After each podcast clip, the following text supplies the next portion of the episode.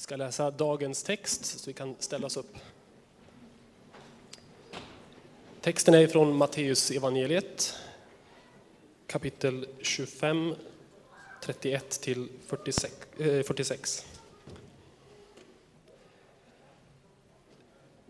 När Människosonen kommer i sin härlighet tillsammans med alla sina änglar, då ska han sätta sig på härlighetens tron och alla folk ska samlas inför honom. Och han ska skilja människorna som herden skiljer fåren från getterna. Han ska ställa fåren till höger om sig och getterna till vänster. Sen ska kungen säga till dem som står till höger. Kom, ni som har fått min faders välsignelse och överta det rike som har väntat på er sedan världens skapelse. Jag var hungrig och ni gav mig att äta. Jag var törstig och ni gav mig att dricka. Jag var hemlös och ni tog hand om mig. Jag var naken och ni gav mig kläder. Jag var sjuk och ni såg till mig. Jag satt i fängelse och ni besökte mig. Då kommer de rättfärdiga att fråga Herre, när såg vi dig hungrig och, när, och gav dig mat eller törstig och gav dig att dricka? När såg vi dig hemlös och tog hand om dig eller naken och gav dig kläder? Och när såg vi dig sjuk eller i fängelse och besökte dig? Kungen ska svara dem, sannerligen, vad ni har gjort för någon av dessa mina minsta som är mina bröder, det har ni gjort för mig. Sen ska han säga till dem som står till vänster, Gå bort från mig, ni förbannade, till den eviga eld som väntar djävulen och hans änglar. Jag var hungrig och ni gav mig inget att äta. Jag var törstig och ni gav mig inget att dricka. Jag var hemlös och ni tog inte hand om mig. Jag var naken och ni gav mig inga kläder, sjuk och i fängelse och ni besökte mig inte. Då kommer också de att fråga, Herre, när skulle vi ha sett dig hungrig eller törstig eller hemlös eller naken eller sjuk eller i fängelse och lämnat dig utan hjälp? Då ska han svara den, sannerligen, vad ni inte har gjort för någon av dessa minsta, det har ni inte gjort för mig. Dessa ska gå bort till evigt straff, men de rättfärdiga till evigt liv. Så lyder det heliga evangeliet. Lovad vare du, Kristus. Tack för inbjudan till Saronkyrkan. Jag gick genom eh, ett lite kylslaget Slottsskogen hit idag. Jag bor ju i Kungsladugård och kom och mötte som fler andra la märke till också värmen här inne och välkomnandet i dörren och förbönen inför gudstjänsten. Vilken fantastisk start på domsöndagen som vi har haft i den här gudstjänsten idag. Jag tänkte att jag skulle ta er med till ett tema som jag tror är oerhört viktigt att man ibland närmar sig i sitt liv. Och det är att sätta punkt, att göra vissa avslut i sitt liv för att sen kunna gå vidare. Det här är ju en sån söndag innan vi nästa söndag går in i ett nytt nådens år från Herren när vi firar första advent så avslutar vi ett kyrkoår som vi redan har hört och sammanfattar så bra i starten var vi är någonstans. Och en del, eh, en del samlingar så har man ju vissa serier man predikar igenom. Och så i vissa så har man kyrkoåret som man följer väldigt regelbundet. Jag älskar kyrkoåret för att det utmanar mig som predikant något så oerhört. För det finns vissa söndagar som man helst hoppar över. När ni hörde texten för idag så tänkte ni kanske oj, oj, oj. Eller vad ni nu tänkte. Eh, och så tänker man så här att jag kanske ska ta mina favorittexter. Men om man följer kyrkåret då utmanas man som predikant. Men man får också som församling, om man regelbundet firar gudstjänst, går till en församling, besöker den troget ett helt kyrkoår. Det är som att duka ett bord av olika rätter. Idag sätter vi punkt. Det är liksom mitt tema in i kyrkåret. När jag förberedde mig för den här, då kom jag att tänka på ett sånt där avslut som jag gjorde för några år sedan. Det var när jag jobbade som pastor nere i södra Nissadalen utanför Halmstad.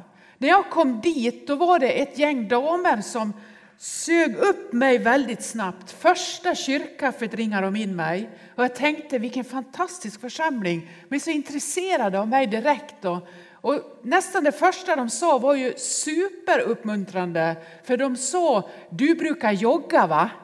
Jag kände hur jag liksom Wow, såg de det? Ja, nu ser ni ser lite förvånade ut, men det är ju några år sedan. Och jag sa det då, liksom, ja det händer ju att jag drar mig runt lite några kilometer ibland, lite ödmjukt, fast jag känner mig rätt vältrimmad just då. Då sa hon, kan du springa vårhuset med oss? Ni vet fem kilometer. I Halmstad är Gallberget, här är det väl Slottsskogen och lite annat. Fem kilometer, man går, man lufsar eller joggar eller springer fort. Och så i Halmstad är det förnedrande att på tre ställen står herrarna i orienteringsklubben med vätskekontroller på fem kilometer. Det är kränkande. Jag vägrar ta emot varje gång. Om jag så dött framför dem så hade inte jag tagit emot vattnet. För jag tänkte fem kilometer, det klarar man utan någon sportdryck eller något sånt tjafs. Så vi sprang våra fem kilometer. Och eh, att jag skulle vara med, att de ville ha med mig i laget var att vi skulle få den där fantastiska picknickkorgen som man får när man springer vårhuset. Det är en total flopp. Men vi ska inte gå in på den nu, för jag känner det är ett litet sidospår. Jag har tendenser att dra in i lite sidospår. Vi stoppar där. Efter att vi har gjort det så kände vi oss så otroligt eh, liksom på gång med motion. Så vi bestämde att vi skulle träffas varje vecka och så skulle vi springa ett antal kilometer. Och det började vi med. Vi la upp en slinga då, runt där i skogarna. Där vi, den som bodde närmast la upp slingan runt där de bodde. Det var ju innan vi fick sån här runkeeper och keep runner och vad det nu heter. När vi lägger ut på Facebook, ni vet hur långt vi har sprungit så alla andra får dåligt samvete. Det är ungefär det det går ut på. Man säger nu har jag sprungit fem kilometer så ser alla slingan och så tänker jag fy vad jag är dålig. Jag har aldrig förstått det, men nu kommer jag på ett sidospår igen. Vi sprang våra slingor och eh, så kom vi på efter tre, fyra gånger kanske vi skulle fika efteråt eh, för att få liksom helkväll ihop. Så vi fika efteråt och nu är vi uppe i sex, sju gånger. Och så var det så att någon fick ont i halsen, gick rundan, då gick vi med den. Och så var vi ganska varma och lite så här i kläderna, kände att vi var lite svettiga.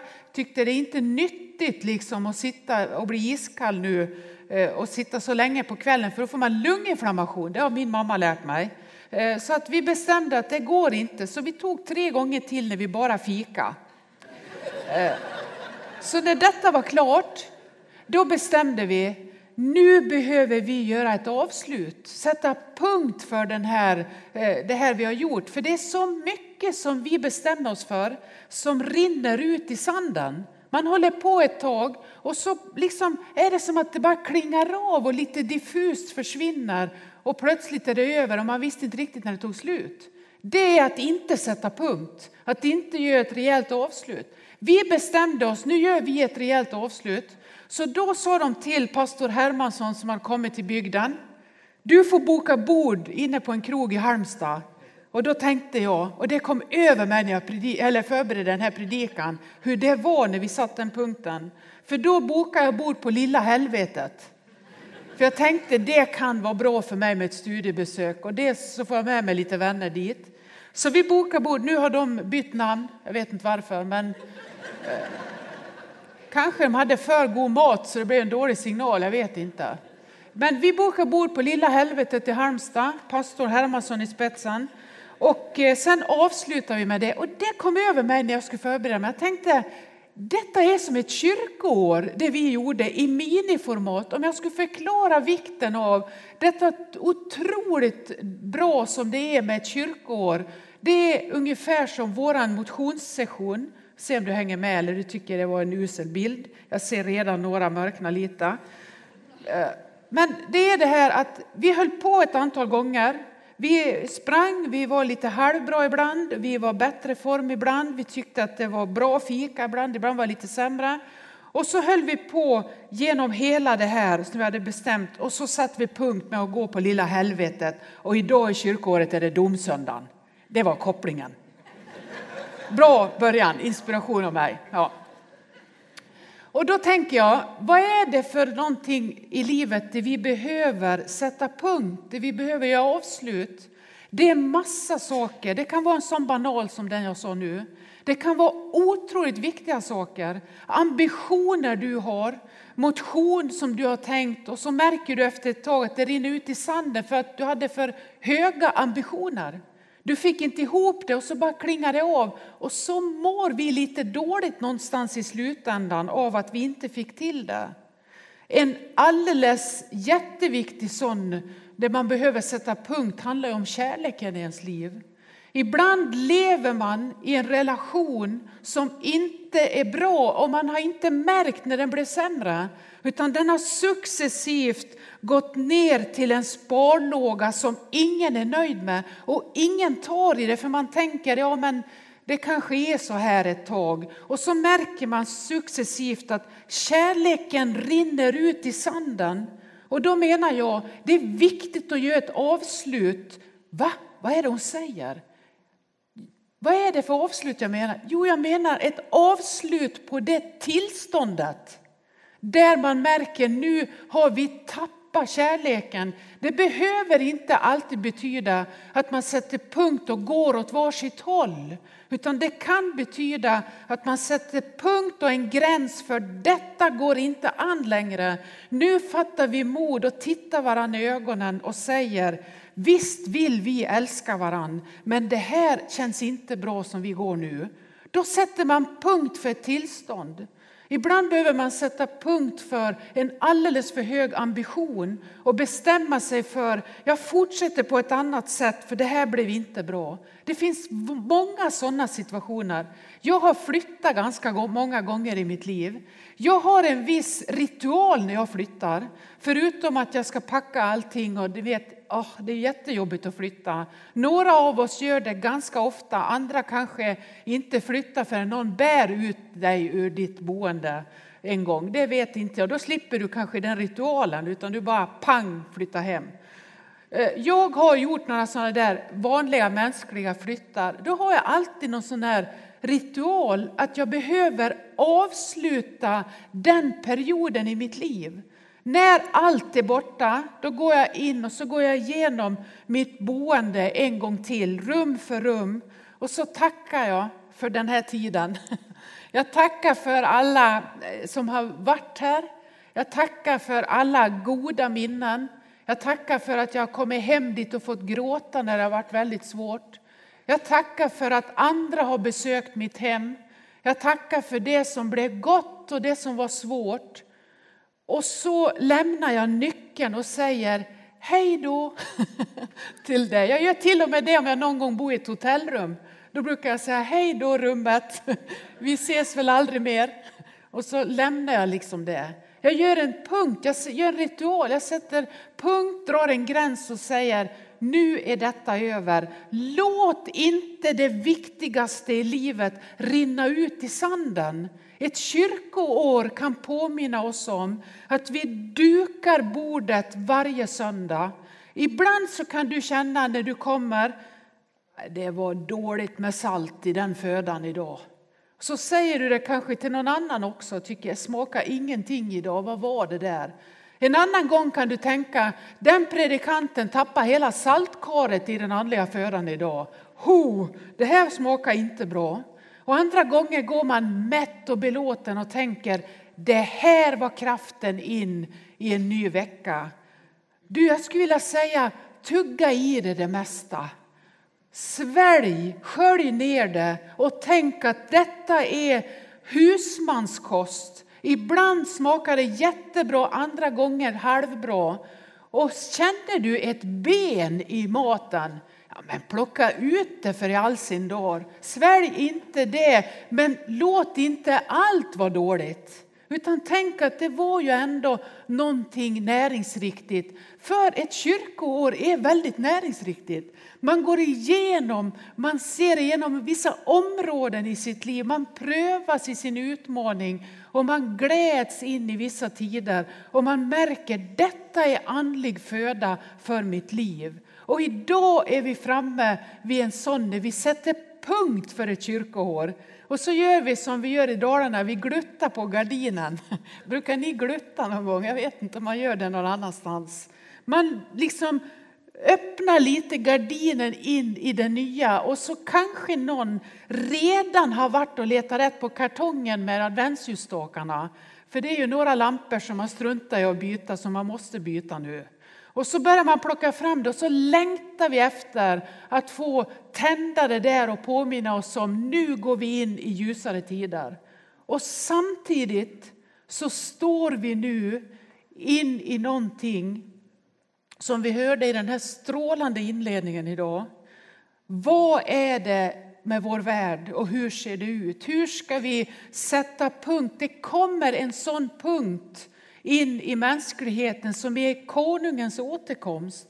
Jesu återkomst när han sätter punkt för det i, i världen som är det stora lidandet. Var finns vi då? Kanske det är så att vi övar oss genom det som vi är med om i våra liv själva. Att vi lär oss att inte låta saker och ting rinna ut i sanden utan ta vara på det som är det viktigaste. Sätt upp vissa mål för våra liv. Se till att det finns någon sorts ordning och reda, någon ritual, någon rutin som både handlar om mitt personliga liv, som handlar om mitt lärjungaskap och som handlar om min nästa. Det som ändå genomsyrar de här texterna är ju inte främst rädslan, kommer jag med? Utan det som genomsyrar är ju kallelsen att göra det som handlar om min nästa. Det är alltid evangeliet. När jag gör någonting för min nästa kan jag våga lita på att jag är i det jag ska vara. Jag är i det sammanhang som är välsignat för jag ser till den som finns runt omkring mig. Jag sträcker mig ut mot någon annan. I en av dagens texter i Uppenbarelseboken så står det Var trogen in till döden så ska jag ge dig livets segerkrans. Var trogen in till döden så ska jag ge dig livets segerkrans. Vet att du tillhör ett annat rike. Du tillhör Guds rike och en dag så ska skapelsens Herre sätta punkt för rädslan, för lidandet och allt det som drabbar mänskligheten nu. Vi har så lätt för att fastna i rädslan. Rädslan finns där, man kan inte förneka den. Förnekar du rädslan och står i någon sån där konstig inställning att Jesus har segrat, jag är inte rädd för något, eller hur man nu uttrycker det. Och ändå någonstans har en rädsla. Se på den istället, för den poppar alltid upp. Möt rädslan, sätt en punkt för det tänkandet, ställ dig där och möt det som är din verklighet och se, detta är jag rädd för, detta är det svåraste. Och så be dig igenom den rädslan, inte fly den för den poppar upp någon annanstans. Den poppar upp i en, någon relation, i någon oro, i en sjukdom, i någonting som liksom driver mig vidare om jag inte tar i det. Men vågar man se det och gå rätt igenom och be sig igenom rädslan i livet så kan man någonstans upptäcka mitt i det, jag väntar konungens återkomst. Jag är rädd för vissa saker men jag tar emot hälsningen som är en av de mest eh, viktigaste och, som, och mest återkommande i Bibeln och det är den här, var inte rädd. För det måste Jesus säga till mänskligheten gång på gång och säga till oss, var inte rädd. Det är det första inför de stora undren. Du behöver inte vara rädd. Hur går det till när Jesus kommer tillbaka på skyarna som det står? Hur går det till? Jag vet inte och jag vill inte spekulera. Men jag hörde en fantastisk bild av en präst igår. Jag har varit på Gullbrannagården på ett sånt här dygn med Libris bokförlag där vi har haft flera föredrag och så avslutar vi med mässa och förbön för alla som var med. Och då var det en präst som ledde det, Martin Jonsson heter han, är i Varberg. Han sa så här inför att vi är på väg in i domsöndagen, att när Jesus lämnade denna jord så gjorde han det välsignande sina lärjungar. Mitt i välsignelsen så blev han uppryckt från jorden.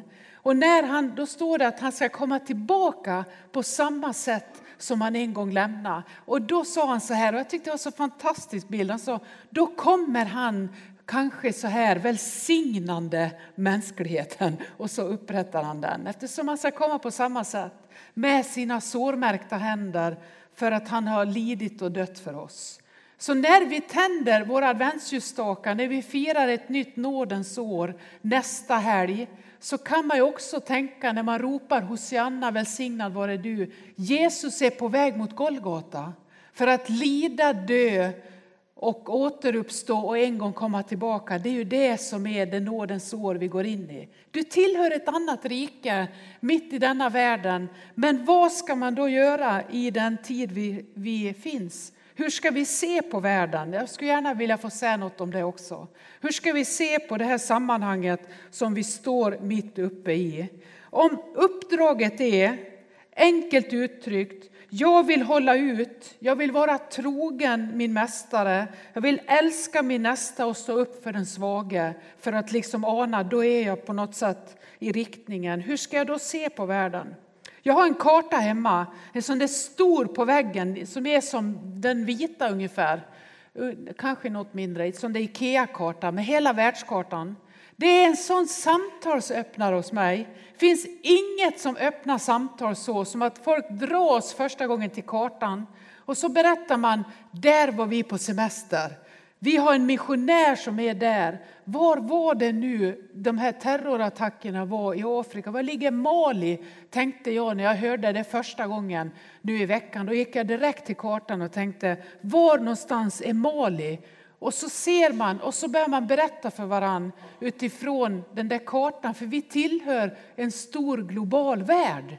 Och någonstans där så börjar de där samtalen för mig. Och jag ser att nu ritas väldigt många gränser om. Vi utmanas mer än någonsin och vår solidaritet ställs på sin spets. Hur ska man se på denna världen? Hur ska man tänka? Det finns en ung poet som har, eh, som är, har ett somaliskt ursprung men bor i Storbritannien. Somalisk-brittisk poet som heter, nu kanske jag uttalar hennes namn fel, men Varsin Shire. Varsin Shire, förlåt om jag säger det fel. Hon är inte fyllt 30 år än, född 1988. Eh, en väldigt erkänd, fantastiskt duktig poet. Hon säger så här i en av sina dikter. Senare samma kväll höll jag en kartbok i handen lät fingrarna vandra över världen och viskade Var gör det ont? Den svarade Överallt, överallt, överallt. Senare samma kväll höll jag en kartbok i handen lät fingrarna vandra över världen och viskade Var gör det ont? Överallt, överallt, överallt. Jag tror att om du lägger dina händer mot världens hjärta, om jag ska beskriva det så, och så frågar Herren var gör det ont? Så tror jag att svaret är överallt, överallt, överallt. Här finns uppdraget, här finns kallelsen. Överallt. Hur ser det ut idag? Får jag bara lyfta ett par saker innan jag går ner för landning och vi får fira nattvard tillsammans. Jag tänker på den här hashtaggen Pray for Paris. En hashtag det är ju ett sånt litet speciellt märke i sociala medier när man vill dela någonting med fler så kan man skriva en hashtag så här och så skriver man ut det man vill dela och så ser fler det. En sån hashtag kom ut precis efter terrordåden i Paris. Det stod Pray for Paris. Till och med kung Zlatan skickade ut en sån hälsning innan han gick in och spelade EM-kvalmatchen mot Danmark. Pray for Paris. Och så blev det lite uppmärksammat och så har vi diskuterat det en del. Det är fantastiskt. Alla plötsligt ställer sig bakom detta, be för detta och så börjar man öppna världskartan och tänka, ja men planet som lyfte från Egypten på väg till Ryssland, det gick så snabbt förbi i media. Vad hände i Libanon? Vad hände nu i Mali? Flyktingarna som strömmar från Syrien och från olika länder som stoppas vid gränserna. Det finns ju så mycket hashtags pray for, pray for, pray for som är svaret på överallt, överallt, överallt. Var finns det? En annan sån som jag tänker på och som utmanar mig något så oändligt när jag sätter punkt för kyrkoåret och ska gå in i ett nytt. Det är det som handlar om vårt bistånd. Biståndet det är ju att vi ger 1 procent av vår bruttonationalinkomst till den, det sammanhang utanför vårt land där det är som fattigast och där det behövs som mest. Nu tar man av det biståndet. Vi är faktiskt, jag tror vi är världens vi toppar i att ge vårt bistånd ute i världen. Vi är bäst på det. Men vi ska inte slå oss för bröstet, för nu börjar vi ta av den procenten och så skickar vi in den i det som är flyktingkrisen i vårt eget land. Och vad betyder det? Detta är en nöd i mig, för det betyder att de fattiga betalar notan för att vi tar hand och, och öppnar flyktinghjälpen i Sverige. Och samtidigt, det svåra i det är, vi fortsätter i vår välfärd. Det är det som är det svåra. Vi ska fortsätta ge vårt bistånd. Vi ska fortsätta oförtrutet och öppna allt vi kan för den som behöver vår hjälp. Det är evangeliet. Men kanske vi måste ändra vårt eget välstånd och inte ta från den som inget har för att vi inte ska behöva förändra någonting i våra egna liv. Detta är min stora utmaning. Jag bara skickar den. Gå in i ett nytt nådens år och tänk, var befinner vi oss? Var sätter vi punkt? Och vilka gränser drar vi? Låter vi detta bara rinna ut i sanden eller tvingas vi att dra några linjer i våra egna liv och säga nu får det vara nog.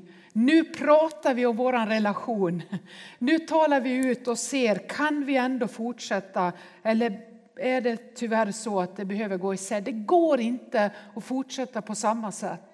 Dra vissa gränser, sätt punkt på det som bara rinner ut. Ta nya mål för ditt liv och känn att det inte egentligen är nyårsafton för Guds folk. Det är nådens år som är första dagen på det nya året och det nya livet. Det är nästa helg, det är söndagen.